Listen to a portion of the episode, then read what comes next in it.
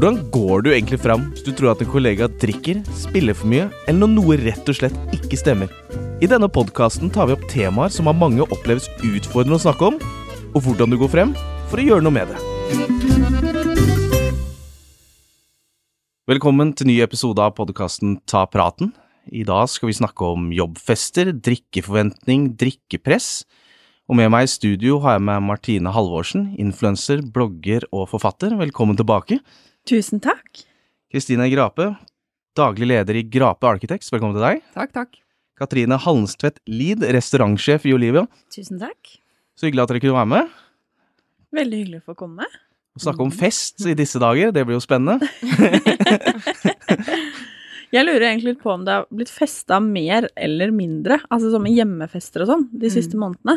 Det hadde vært interessant å vite. For jeg føler egentlig at eh, en del av de jeg følger, i hvert fall på sosiale medier og sånn, så ser det ut som det er festing over en lav sko. Selv om det ikke er greit. Nei, det, det er jo der eh, ja, mye av smitten kommer, ikke det? At Ja. det er, Det er dessverre.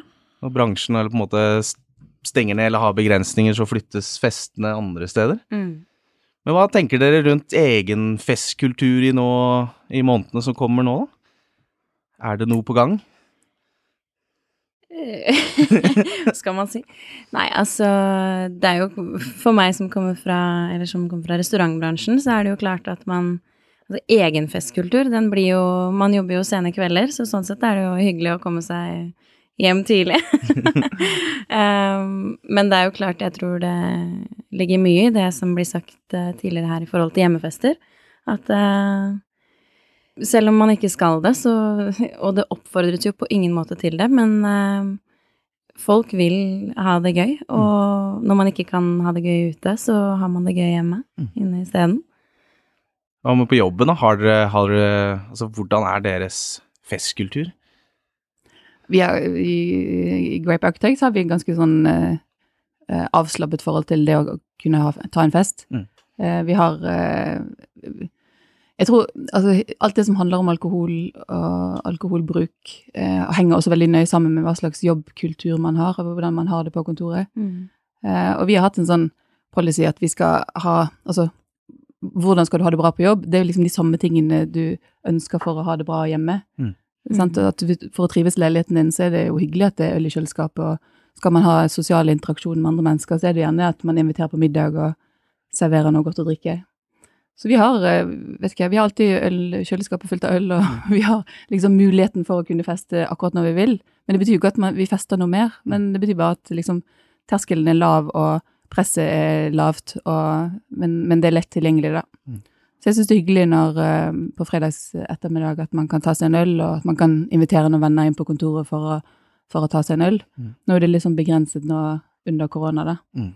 Men, eh, men for oss så handler det veldig mye om det. Så vi, jeg opplever ikke at vi har noe sånn eh, dårlig kultur eller uheldig kultur i forhold til, eh, i forhold til alkoholbruk, da. Mm. Så du mener egentlig at alk den alkoholen er viktig i der, altså deres arbeidsmiljø? Ja, altså, den, nei, ikke viktig, men den er en naturlig del, da. Mm. Eh, på samme måte som at eh, vi har eksempel en kokk som lager eh, lunsj til oss. For dette handler liksom om å føle at man blir tatt vare på. Eh, og at de tingene er For oss er det veldig viktig. Eh, det er viktig også å ha et godt arbeidsmiljø, at man blir trygg på hverandre, at man kan snakke sammen med kollegaer, og at hvis et problem oppstår, så er på en måte terskelen for å ta opp ting eh, mye lavere. Og jeg tror jo at sånn Det å bruke alkohol på en feil måte, da, handler jo veldig ofte om et underliggende problem. Eh, Det er kanskje ikke alkoholen i seg selv som er problemet, men, men andre ting. Og så at da terskelen for å kunne snakke om det er lav, og at man er trygg, eller opplever eh, omgivelsene sine som trygge til å ta, ta det opp, både fra en leders side, men også fra en ansatt side. Det er viktig. Og fra kollegas side, ikke minst. Mm. Vi har jo også alt veldig tilgjengelig, naturligvis, i eh, restaurant, men vi har eh, derimot en veldig Altså, jeg syns det Det er en veldig tydelig kultur, da, i, eh, i vår bedrift på at eh, Altså på disse enkle tingene som jeg syns setter veldig fine rammer for uh, hvem vi velger å være som bedrift. Um, uh, og da Det går blant annet ut på at man ikke at man ikke skal ha en kultur hvor man setter seg i baren eller i restauranten etter stengetid og tar seg et glass. At man ikke tar en lunsj eller en middag før man skal på jobb. Altså alle disse enkle tingene som på en måte ofte Altså afterwork er jo kjent i alle bransjer, og det er jo ikke noe Altså vi tar absolutt afterwork, men vi tar det ikke på jobb. Og så er det jo også selvfølgelig en påvirkning det vi snakka om tidligere, at eh, med arbeidstidene, da, at når man jobber sent, så er det ofte veldig fristende. Man har jobba ti-elleve timer, man har servert masse god vin og øl og åh, sliten. Nå er det deilig å ta seg, ta seg et glass etter jobb, så afterwork er absolutt greit, men, men ikke på jobb. Og det å være tydelig på, på hva som er ok og ikke ok, er også med på å skape den kulturen og de verdiene da, som bedriften har. Hva er din opplevelse av den festkulturen du møter, Martine? Jeg da, som er liksom selvstendig, eller jeg er ikke liksom selvstendig, jeg er Nei. selvstendig.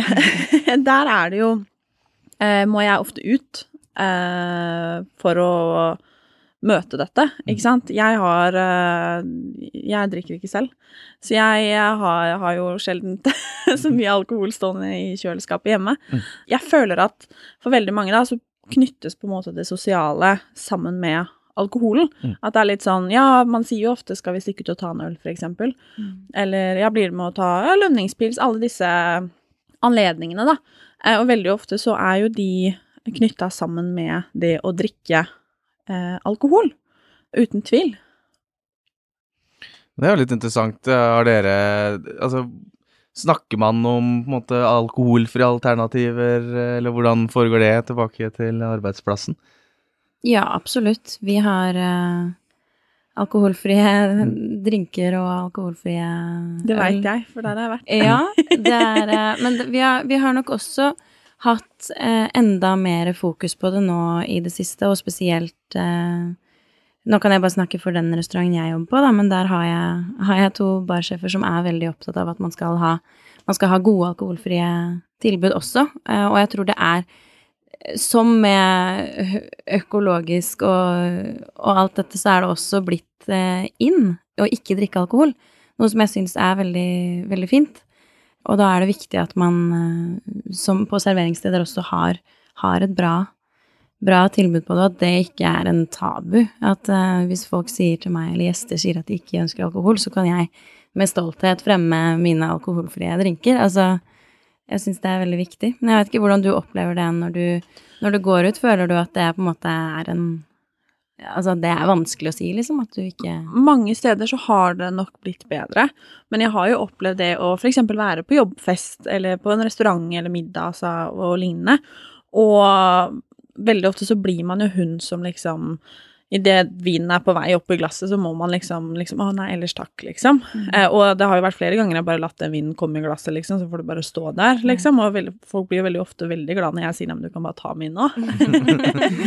men eh, da ble jeg veldig populær. eh, men eh, Og veldig ofte så blir jo jeg den som liksom prikker litt på ryggen og bare sånn Du, unnskyld, har du noe, noe annet, liksom? Ja. Eh, og jeg har jo opplevd det at jeg får servert et glass vann Eh, og jeg kan gjerne drikke vann, jeg, men det er jo liksom hyggelig å ikke bli bli hund, da, hvis du mm. skjønner hva jeg mener. For jeg har det jo like hyggelig på min måte, og har like lyst til å være med på det sosiale, eh, selv om jeg ikke drikker det vinglasset, liksom. Så jeg setter jo veldig pris på de som faktisk eh, tilbyr alkoholfrie alternativer, og gjør det på en sånn, hva skal man si det, en sånn classy måte. At mm. man ikke må være liksom lage så mye nummer ut av det, da. Mm. Fordi at man lager ikke noe nummer ut av at man vil ha et glass vin. Og da er det hyggelig at jeg ikke trenger å lage noe nummer ut av vil ha jeg vet ikke, eplemost, eller hva mm. søren jeg kan få i stedet. Mm. Men vi er vel litt sånn forbi det der at Jeg tenker Før så var det sånn hvis du ikke drakk, så var du enten tørrlagt alkoholiker eller dypt religiøs. Vi er jo ikke der lenger. Jeg Takk tenker at det er så veldig mange, jo, det er så mange grunner til at folk ikke velger å ikke drikke. Mm. Eh, så jeg føler liksom ikke at det er noe issue lenger i det hele tatt. Men kanskje litt på restauranter, da, eller hvis man sitter et sted hvor det er kelnere som kommer rundt og serverer, og de har en rød og en hvit i hånden, og så er det kanskje ikke et alternativ, og så ber man om noe alkoholfritt, og så får du plutselig en flaske Solo på bordet, eller et eller annet som blir veldig sånn synlig, da. Mm. Men så tenker jeg også kanskje at uh, i yngre, ja, vi, vi, bør i hvert fall være forbi det, men jeg tror nok som med veldig mye annet, altså alle, alle typer press man kan oppleve som ung, da, eller tenåring eller i 20-åra, så tror jeg Jeg tror ikke at man er forbi det, faktisk. Jeg, hvis man sitter der i en ungdomsgjeng, så kan jeg fort se for meg at det kan være en kommentar. Jeg opplever i hvert fall ofte det at uh, Eller bare at man får det spørsmålet. At, mm. man, føler, at man, føler, at man må forklare seg. Mm. Jeg vet ikke. Nei, men det er sånn hvis jeg, jeg kan sitte i en flott middag på en eller annen galla, liksom, uh, på et rundt bord med masse flotte, dyktige mennesker, og så kommer denne rødvinen og hvitvinen i hånda, liksom, og så takker jeg nei, eller åpenbart ikke drikker. Og da kan jo også spørsmålet komme fra Kall det de voksne, da, om man skal si det sånn. De som er ganske mye eldre enn meg. Mm. Eh, liksom 'Å ja, du drikker ikke, du?' Og så er det sånn 'Nei, det gjør jeg ikke'. Og så forventer de på en måte et svar på hvorfor jeg ikke drikker. Akkurat som jeg sier 'Å ja, du drikker, du'. Mm. og så skal de liksom Det skjer jo ikke, ikke sant? Eh, så det er nok fortsatt en jeg blir veldig glad for at uh, høre at det kanskje ikke er, er sånn når man blir eldre, misforstå meg rett, men, men, jeg opplever i hvert fall en litt sånn nysgjerrighet, da. Tidligere, når jeg var enda yngre, så opplevde jeg jo veldig det der presset, liksom. 'Å, hvorfor drikker du ikke? Er du gravid? Er du ja, religiøs? Er du liksom Og det var ingen unnskyldning å kjøre bil, for eksempel. For da kunne jeg bare ta en taxi. Og sånn er det jo litt fortsatt. Det er klart, blir folk fulle nok, så vil de at jeg skal være med på leken, ikke sant. Mm. uh, men uh, men det er en sånn nysgjerrighet til hvorfor drikker du ikke? Og det tror jeg nok er en forventning Eller at det kommer av en forventning til at vi, vi drikker alkohol, og sånn, sånn er det bare. Eh, men jeg tror ikke nødvendigvis at folk liksom mener noe kjipt med det. Men at de allikevel er nysgjerrig på hvorfor jeg har valgt å ikke gjøre det, da. Mm.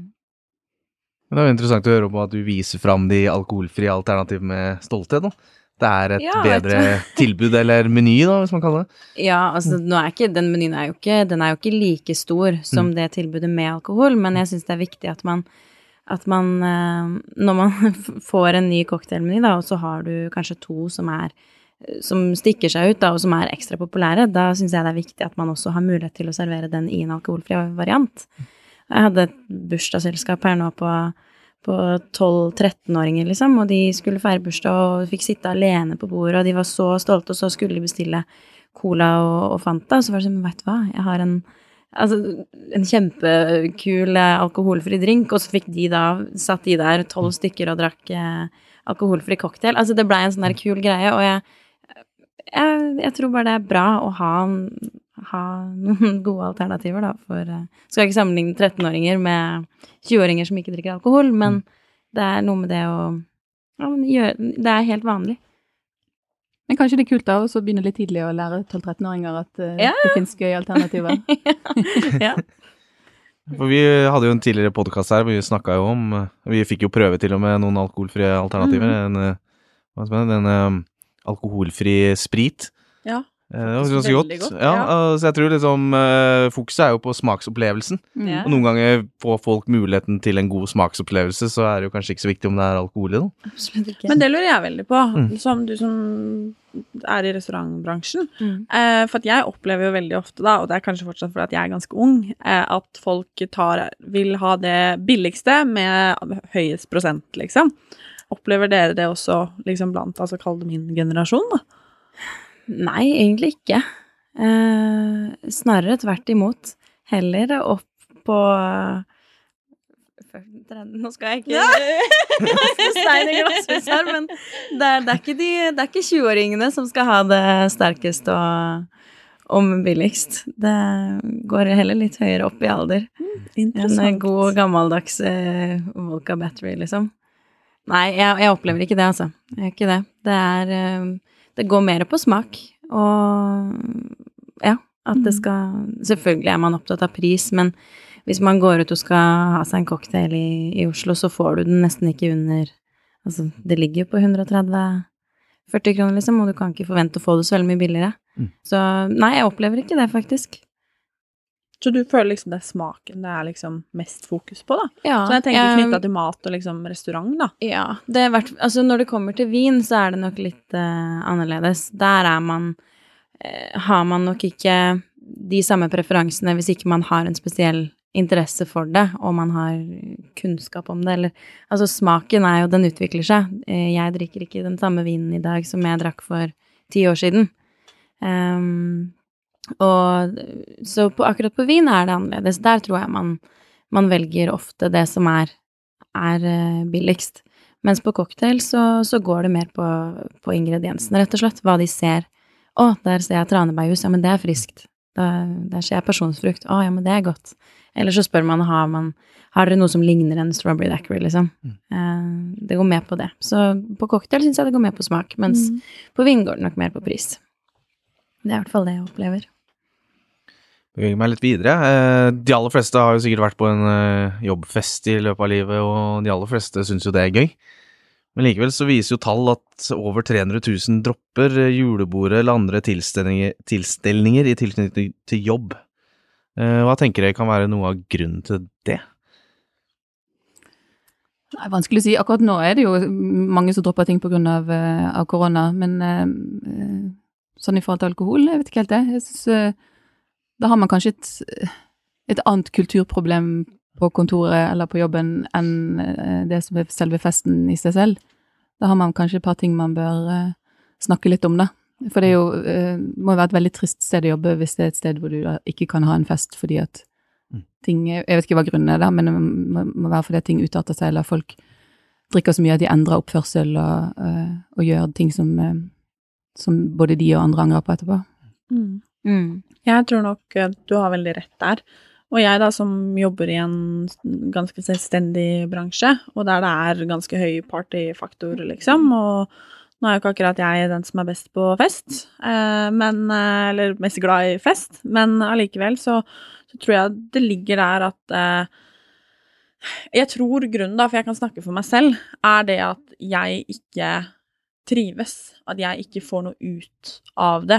Og veldig ofte så er jo ting hyggelig, men jeg har jo også opplevd at ting ikke blir hyggelig, fordi at det blir feil fokus, da, om man kan kalle det det.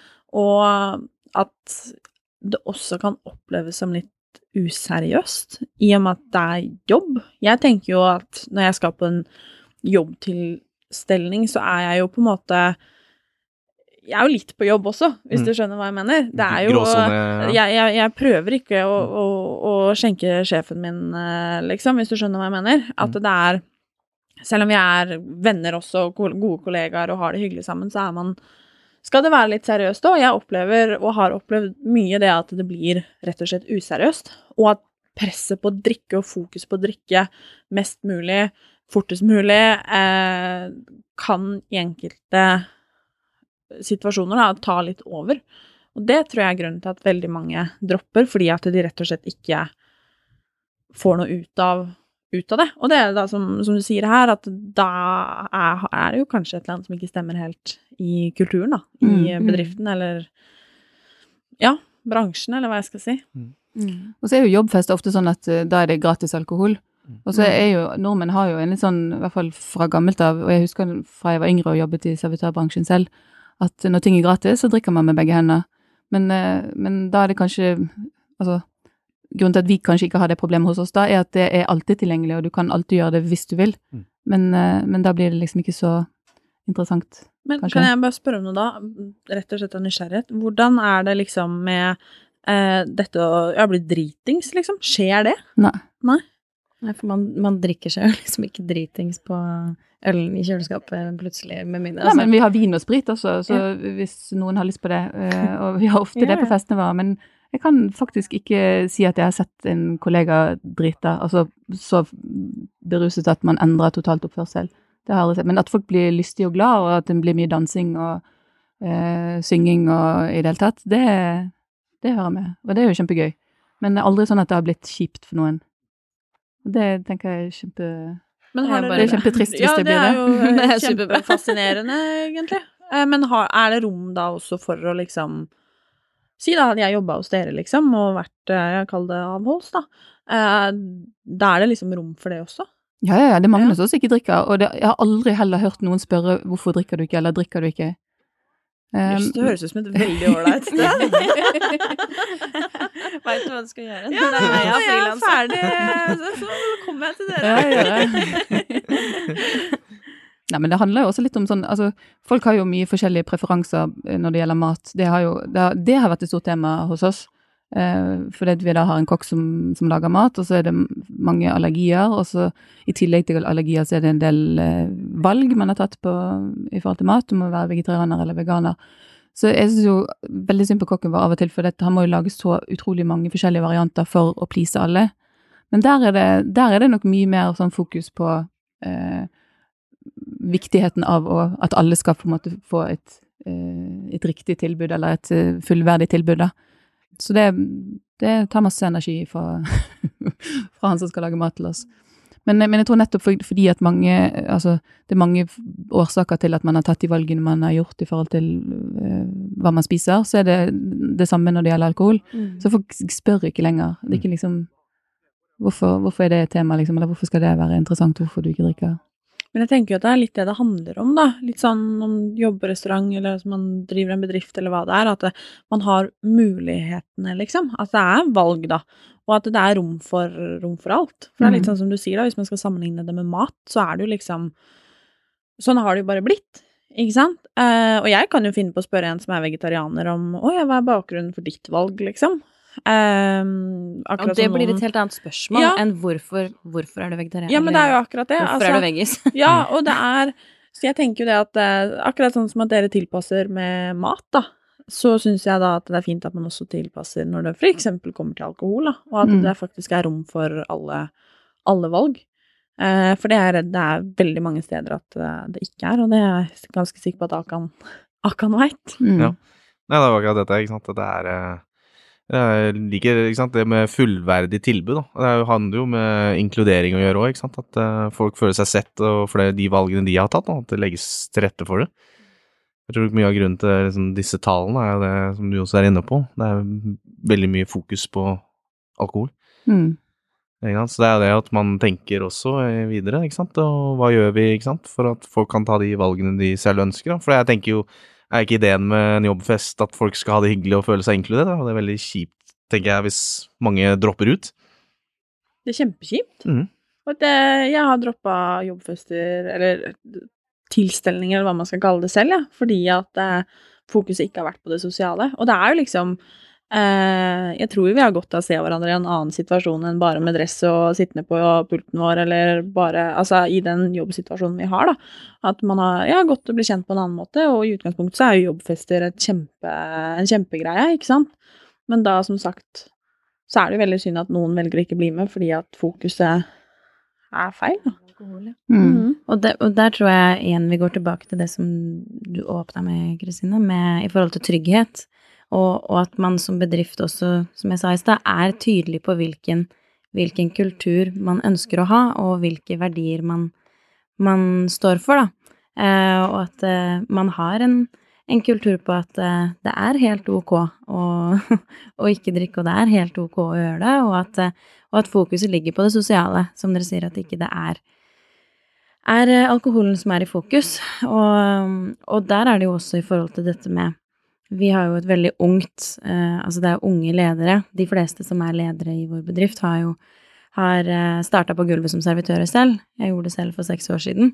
Og, og da er det jo klart at hvordan jeg eh, dro på fest for seks år siden som servitør, kontra hvordan jeg drar på en jobbfest i dag som restaurantsjef, er jo også eh, ikke den samme. Eh, og at man har tydelige tydelige verdier og, og, retningslinjer, da, i forhold til Ja, altså at bedriften setter tydelige grenser på hvordan man skal, skal opptre som leder eller mellomleder også, eh, for da unngår du de ja, kanskje vonde situasjonene som, som gjør at man velger å ikke dra òg, da. Mm. At det, mye ligger nok i dette med å føle seg trygg, mm. og at man kan stå opp for seg selv og, og det valget man har tatt, da og ja, ha det gøy. Mm. Men det er interessant det du sier, at uh, du dropper å gå på fest fordi at hovedfokuset er al alkoholen. Og det tenker jeg liksom, de festene, vi, vi er ganske gode å feste. Altså, vi har mye fester og uh, bruker mye penger på festene våre. Men da, da, da er det også uh, Da legges det veldig mye effort i konseptet rundt festen i forkant. Eh, veldig ofte så har vi et eller annet tema, sånn at folk kler seg ut, og folk bruker kanskje en uke på å planlegge hva de skal på seg, og, og så videre og så. Og alkoholen er en kjempeviktig del av det eh, for veldig mange, men hovedfokuset er jo på en måte eh, en eller annen ramme rundt det, da. Enten et eller annet vi feirer, eller et eller annet tema, eller det at alle har kledd seg ut. Og da, da er det på en måte ikke alkoholen som blir det viktigste. Så kanskje det er forskjellen, da. Jeg har ikke tenkt over det før, men uh... mm, jeg, jeg, tror kanskje det, da. Mm. Og at det er uh, Jeg tror at man som leder uh, har et enormt ansvar. For det er jo til syvende og sist der det ligger, og som du sier, altså at bedriftens holdninger, liksom. Og igjen det der at dere har jo, som du sier, jo da, alkohol er del av fest, liksom. Altså sånn er det jo, og så kommer det sikkert alltid til å være. men at det også eller det handler om noe annet, ikke sant? Altså, mm. alkoholen er bare en Kall det bieffekt, da, hvis du skjønner hva jeg mener. Mm. Men at eh, for eksempel eh, konseptet, eh, kostymene, eller hva det nå er, da, er faktisk det som gjør at dette utgangspunktet først og fremst er hyggelig og gøy. Mm. Det er det sosiale som er i fokus. Mm. Helt klart. Og da tenker jeg vi kan eh, bevege oss litt videre, for dere har alle fått en lenke eh, til et, hva skal vi kalle det, et digitalt kurs som vi har kalt Festen, 30 minutter som forandrer din arbeidsplass.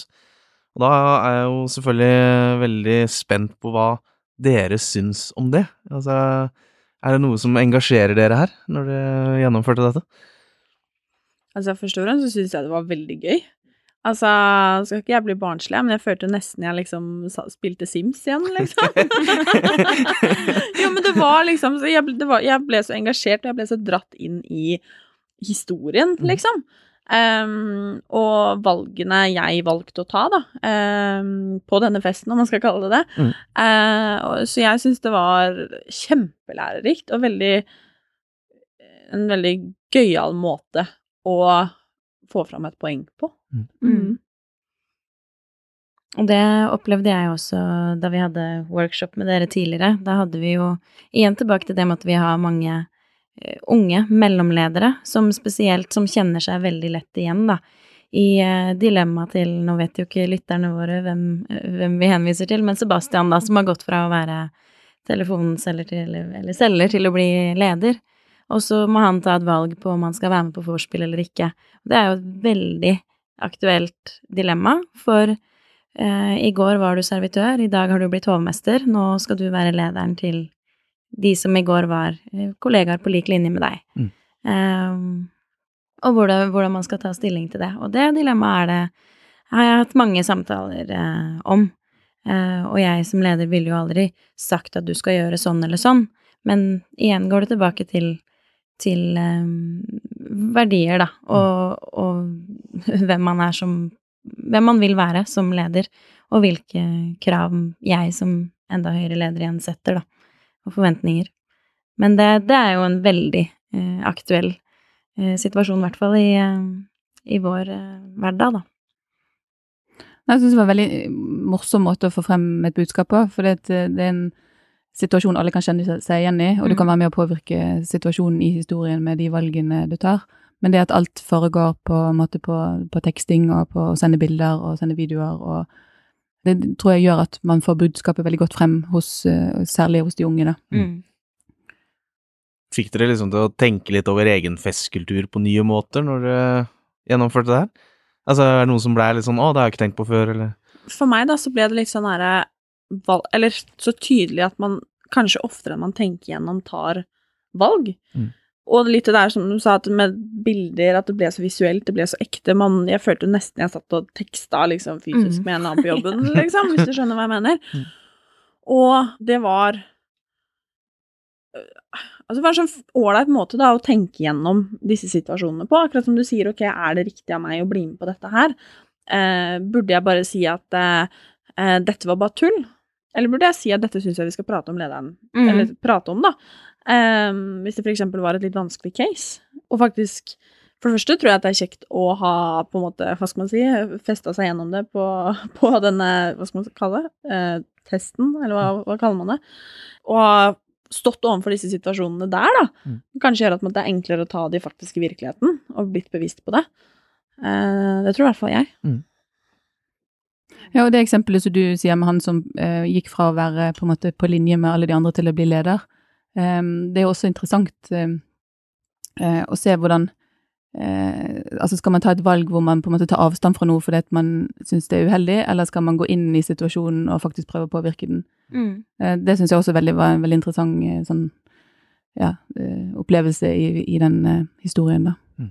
Mm. Og så når du som Eller når vi sitter der og er med, holdt på å si, i, i tekstinga, hva man skal Skal man svare ha-ha og være med, være med i gjengen, eller skal man si nei, skjerp dere, mm. folkens? Altså, du, du, får veldig mange sånne realistiske dilemmaer som du sier at man Ja, man åpner nok øynene veldig for, for en situasjon som kan, kan oppstå mm. i, i det senere. Er det noen dilemmaer eller situasjoner i dette kurset som dere kunne tenkt dette er ugreit?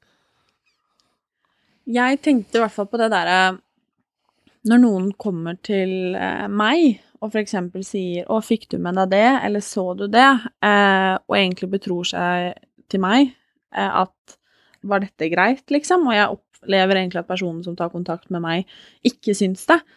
Og at jeg da sitter der og kan faktisk velge om vi skal lede bort, eller om vi faktisk skal gjøre noe med det, når jeg faktisk vet at personen som har tatt kontakt med meg, ikke syns at dette er ålreit.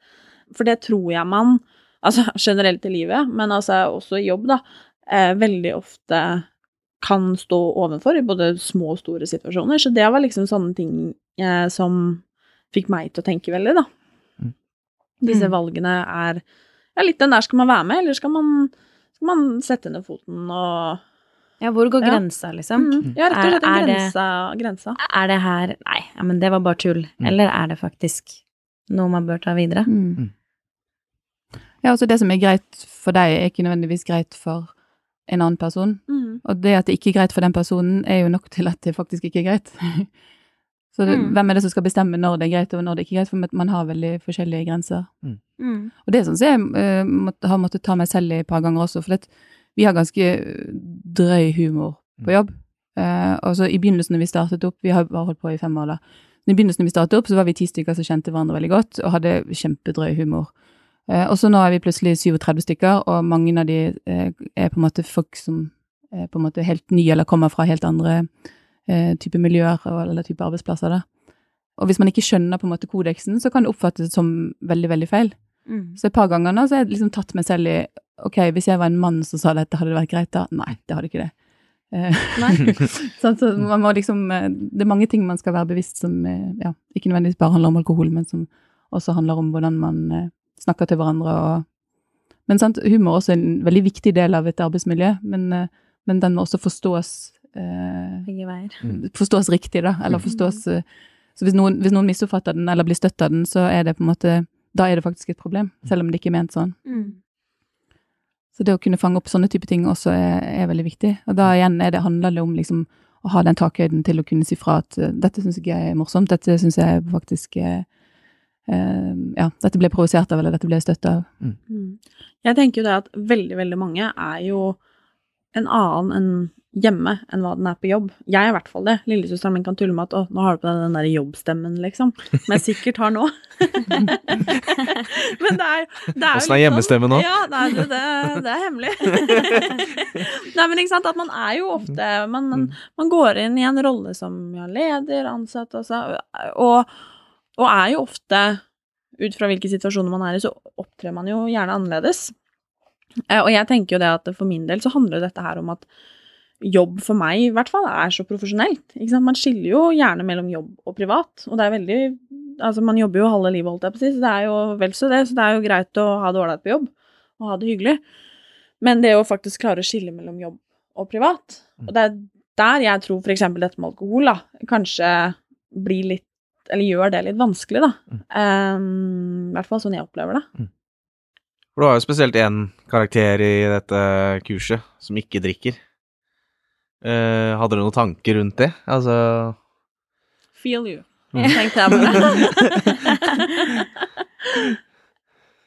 ja, altså Jeg tenkte jo bare Ikke stakkars, men altså frustrerende, da. Mm. Å ikke bare kunne få lov til å være seg sjøl og måtte forklare seg, som vi mm. snakka om tidligere. At man uh, ja, hele tiden må få forklare hvorfor man har tatt eh, de og de valgene man mm. har gjort. Mm. Um, jeg håper ikke det er sånn hos oss. Jeg jobber i hvert fall for at ikke det skal være sånn. Men det er det som er, kanskje er litt fint, da, at man sitter igjen med den etter at man har gjort det. At sånn, og sånn her vil ikke jeg at det skal være på min arbeidsplass, liksom. Ja. At uh, man faktisk lærer at uh, ok, det her vil ikke jeg at skal skje, liksom. Vi vil at uh, vi skal kunne ha ja, ull i kjøleskapet og, og ha det hyggelig, liksom, uten at det er Ja, det er en bra greie Utelukkende bra greie, da. Eh, og at man ja, kan face disse situasjonene gjennom en sånn greie, i stedet for kanskje i virkeligheten. At man kan forebygge i stedet for å reparere. Mm. Som eh, ledere da, er det noe i dette verktøyet og de dilemmaene dere har sett som dere tenker ja, dette er eh, lurt å ta med tilbake til arbeidsplassen, eller har dere lagt dere noen tanker om hvordan kan, dere kunne brukt det her der hvor dere jobber, på et eller annet vis? Jeg eh, så det som veldig verdifullt. Vi testa det jo bare som sagt på noen av våre mellomledere.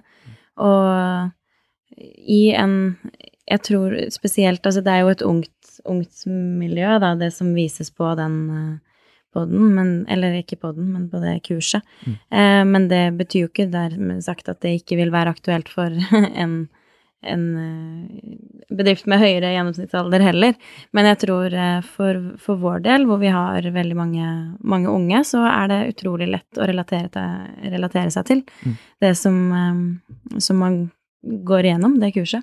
Så jeg tror det er veldig, veldig fint, og det får en til å bare åpne, åpne øynene. Mm. Så jeg tror absolutt det hadde vært eh, verdifullt å, å sendt ut en sånn link til egentlig alle ansatte på, på vårt sted, da. Eh, Fordi det er så mye som er relaterbart. Mm.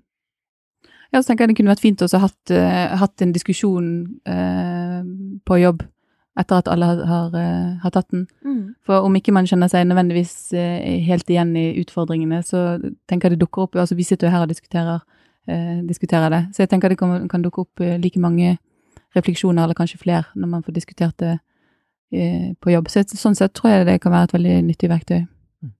Mm.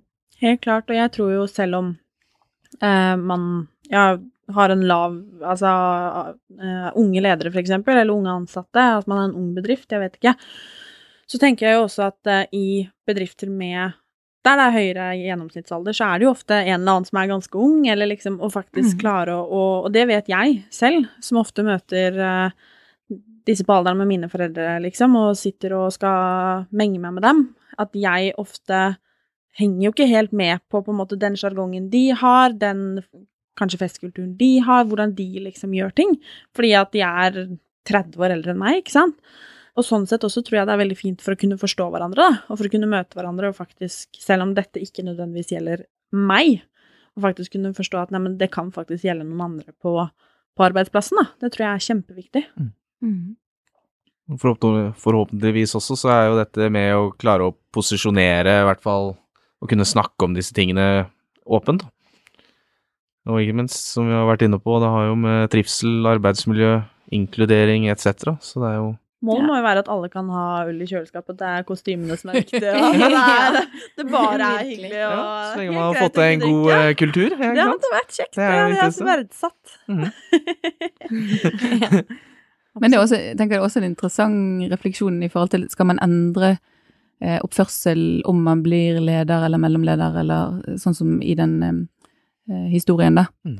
At det er også fint å, å kunne diskutere. Nå, I den bedriften som jeg representerer, så er, har vi en helt flatt struktur. Altså det fin, fins ikke noen titler eller noe, eh, noen mellomleder eller eh, Så da er ikke det så, kanskje så relevant, men men eh, ja, jeg, jeg tenker sånn i bransjen som du rep eh, representerer, i restaurantbransjen hvor det fins mellomledere. Stilles det andre krav til deg da når du blir leder? Må du oppføre deg på en annen måte? Og hvorfor, hvorfor skal man måtte det? Altså, Er ikke dette et ansvar alle bør ta uansett? Absolutt. Og eh, det er, eh, selv om eh, min stilling heter restaurantsjef, så er ikke jeg Det er ikke noe Det er en flat struktur eh, hos oss også, eh, og det er veldig Det er høy takhøyde for å For at alle skal kunne si si det de mener, og vi er veldig inkluderende i, i måten å, å drive på. Um, nå mista jeg litt tråden din. Nei, men jeg tenker på han karakteren i historien, ja, da, som, ja, som blir, eh, blir, blir drita, og så er det plutselig Ja. ikke greit for den var mellomleder. Nei, men det er ikke greit det- uansett. Nei, og det er eh, Det er bare den balansen, ikke sant, med at du, at du går fra, fra at i går var du var du en servitør med, med Du har ansvar som servitør, men som hovmester så har du et annet ansvar, der du kanskje Det er et mer overordna ansvar, ikke sant, og så skal du da som mellomleder, da, som en hovmester er, skal du plutselig følge opp eh, for eksempel den, den servitøren som du i går var på lik Altså det er, det er å finne den balansen mellom eh, Det er en flat struktur, men at man som en mellomleder så har du egentlig bare fått andre arbeidsoppgaver.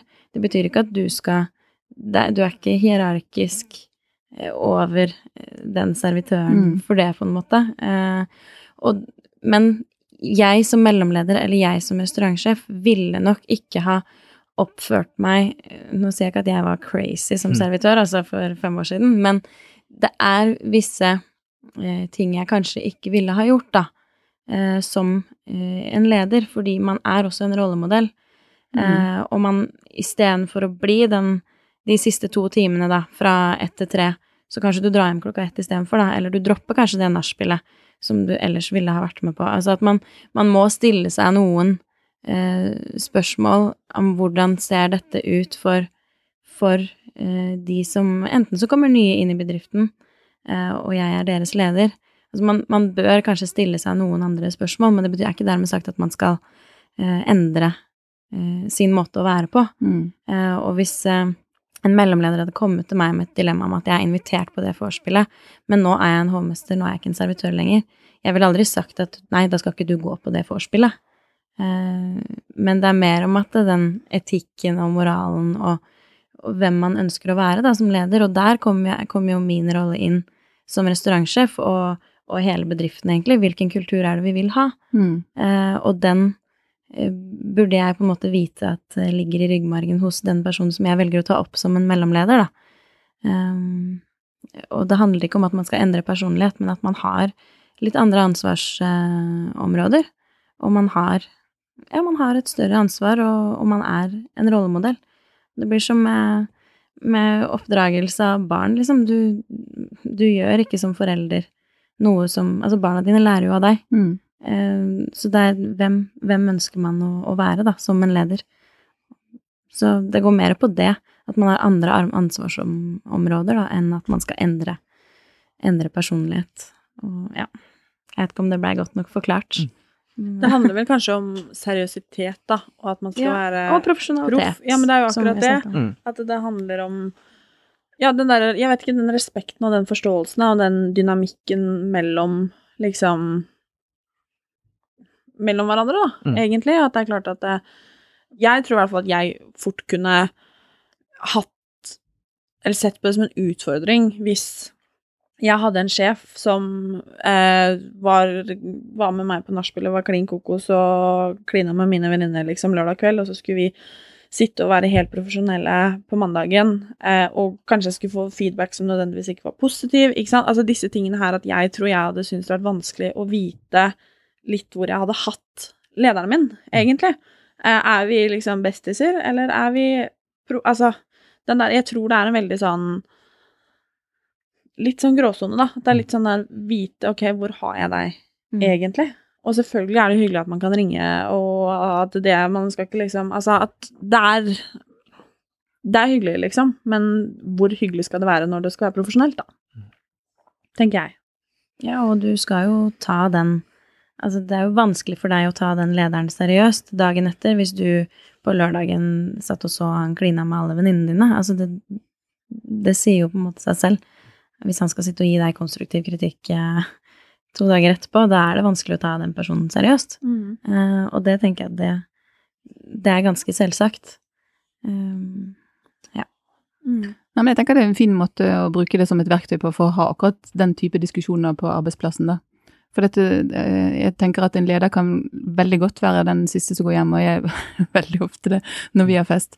Men, eh, men det som ikke er greit, er jo selvfølgelig hvis det er en leder som på en måte oppfører seg på en måte som gjør at du mister respekten.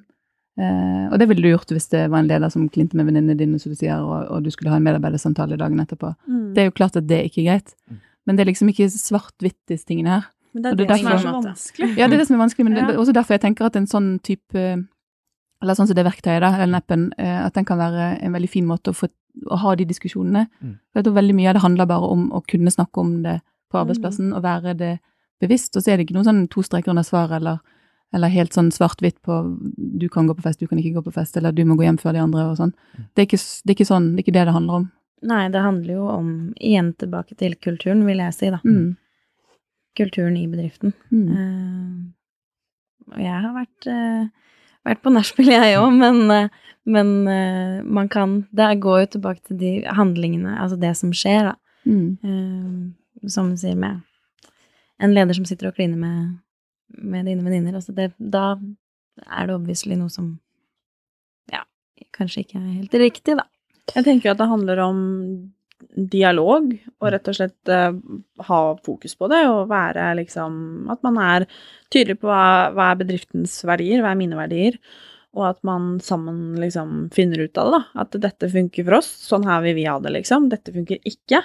Og da tenker jeg at et sånt verktøy er kjempenyttig for å faktisk uh, Uansett hvilken rolle man har i en bedrift, mm. og faktisk tenke gjennom det her og finne ut av uh, hva man selv mener er rett, kanskje. Sånn Fra et sånn lederperspektiv, så min viktigste rolle er å sørge for at alle har det bra på jobb, mm. fordi at da klarer alle også å gjøre en god jobb. Og det er jo det viktigste.